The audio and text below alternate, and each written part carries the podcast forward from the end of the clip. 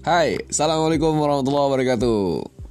Balik lagi bareng sama gue Irsyad Al-Ghifari di Mas Irsyad FM Sebuah konten podcast yang akan mengulak tentang isu-isu terhangat dan kekinian Yang akan membuka cakrawala wawasan berpikir kita. Oke guys, kali ini kita akan bahas tentang polemik GoPay.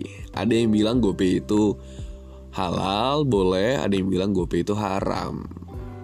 Terus di mana sih letak haramnya kalau seandainya GoPay itu haram? Oke guys kita kita awali dengan sebuah kaidah dulu di awal. Setiap pinjaman atau utang piutang yang menghasilkan manfaat keuntungan bonus bunga diskon cashback dan sebagainya adalah riba.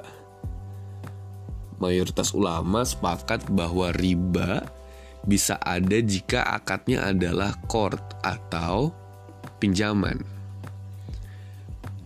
Ya. Dan letak GoPay ini kenapa sih bisa jadi haram atau bisa jadi boleh atau bisa jadi hal yang lain? Jadi ada tiga dalam ekonomi syariah itu ada tiga akad eh, yang menjadi letak perbedaan GoPay. Yang pertama itu akad ijaro mausufa fi zimah atau sewa jasa yang dibayarnya di awal tapi manfaatnya itu dapat diterima setelah uh, apa ya? Kayak gini-gini. Jadi ijaro mausufah fizimah ini adalah sewa jasa yang dibayar di awal sebelum menerima jasa tersebut. Jadi kita bayar duluan baru dapat jasanya gitu Nah yang kedua adalah wadiah atau titipan. Yang ketiga adalah kort pinjaman. Jadi ada tiga. Ijarah mausufah fizimah Wadiah sama kort pinjaman. Oke berarti kita harus pakai asumsi Kalau akadnya itu adalah ijarah mausufah fizimah dulu ya di awal. IMFD lah kita singkat. IMFD Oke. Kalau akadnya IMFD maka segala bentuk manfaat atau diskon atau cashback adalah halal teman-teman. Serta bukan urusan kita. Gojek tuh menyimpan uang uh, yang sudah kita berikan. Tapi akad GoPay merupakan IMFD lebih tepat sama sekali uh, saldonya tidak bisa dicairkan Tapi Gojek itu memperbolehkan menarik saldonya sewaktu-waktu. Kalau saldonya bisa ditarik, maka akadnya menjadi tak wadiah lebih tepatnya. Nah kalau asumsinya wakatnya wadiah, boleh nggak sih kita mendapatkan keuntungan dari kita menitipkan sesuatu itu? Berdasarkan fatwa DSN, Dewan Syariah Nasional, Majelis Ulama Indonesia nomor 2 akad wadiah itu tidak boleh memberikan imbalan yang dijanjikan. Artinya, kalau asumsi akadnya adalah wadiah, maka diskon, cashback, dan bentuk imbalan lainnya adalah haram, guys. Jadi GoPay itu bisa jadi haram kalau asumsi akadnya adalah wadiah. Kemudian menurut fatwa DSN MUI nomor 116, jika akadnya wadiah, perusahaan imani harus menyimpan semua uang top up di bank syariah. Nyatanya, apakah Gojek dan GoPay sudah menyimpan saldo kita di bank syariah? Kamu sendiri guys yang bisa menjawabnya. Nah ini terakhir, kalau asumsi akadnya core gimana? Ya kita balik lagi ke fatwa DSN nomor 116 Akad imani hanya ada dua guys. Wadiah sama kort Dalam fatwa tersebut dijelaskan bahwa akad wadiah tidak bisa berubah menjadi kort Akad titipan GoPay bisa berubah. Sorry. Dalam fatwa tersebut dijelaskan bahwa akad wadiah atau titipan GoPay bisa berubah menjadi kort jika perusahaan Gojek memanfaatkan uang tersebut. Jadi kita naruh uang, si Gojek muterin uang lagi buat investasi atau bisnisnya.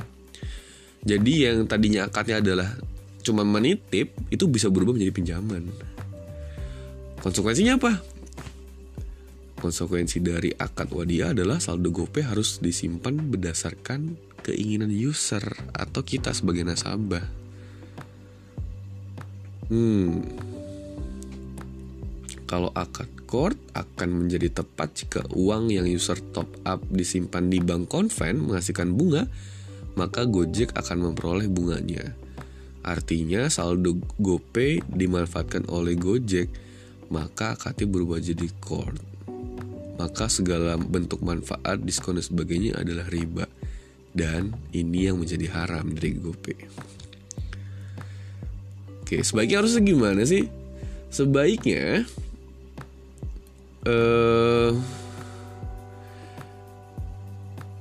sebaiknya Gojek itu tidak mengizinkan user atau nasabah bisa menarik saldo GoPay-nya sewaktu-waktu agar akad yang tadinya ijaro mausufa fidimah IMFD tidak berubah jadi wadiah.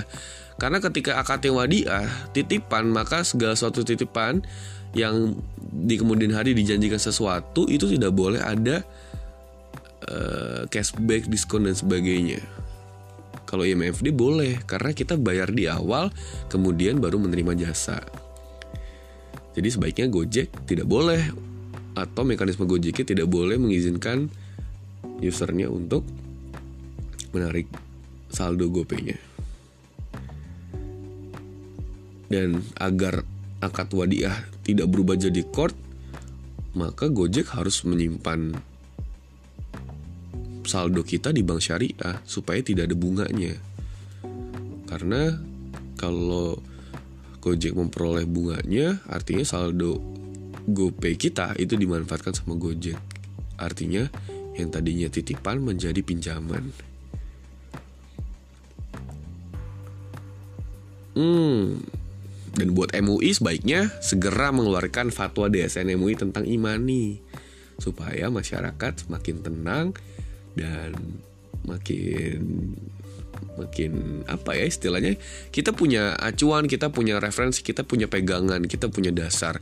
Walaupun ada banyak pendapat tentang ini tapi kalau sudah DSN MUI yang mengeluarkan insya Allah kita bisa taat dan mematuhi fatwa dari DSN MUI jadi gitu guys e, letak GoPay itu haram atau tidaknya jadi kita sebagai uh, insan-insan yang berpikir jangan langsung menyatakan oh GoPay haram, OVO haram, bla bla haram.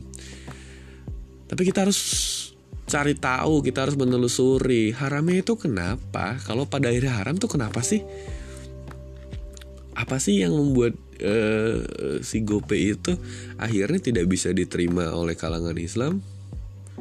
Cuman pertanyaan berikutnya adalah GoPay Gojek itu um, produk yang sifatnya adalah umum. Pertanyaan kita, umat ke mana? Umat Islam harusnya ini menjadi momentum atau menjadi refleksi diri. Harusnya kita mengeluarkan imani syariah. Tidak lagi tergantung dengan GoPay, OVO, dan sebagainya. Umat ini besar, kita mayoritas muslim terbesar di dunia seharusnya kita sudah mengembangkan riset-riset inovasi dan sebagainya. Dan pada akhirnya hmm, peradaban itu harus dibangun oleh anak-anak muda yang berpikir cerdas, berpikir ikhlas, dan kerjanya tuntas.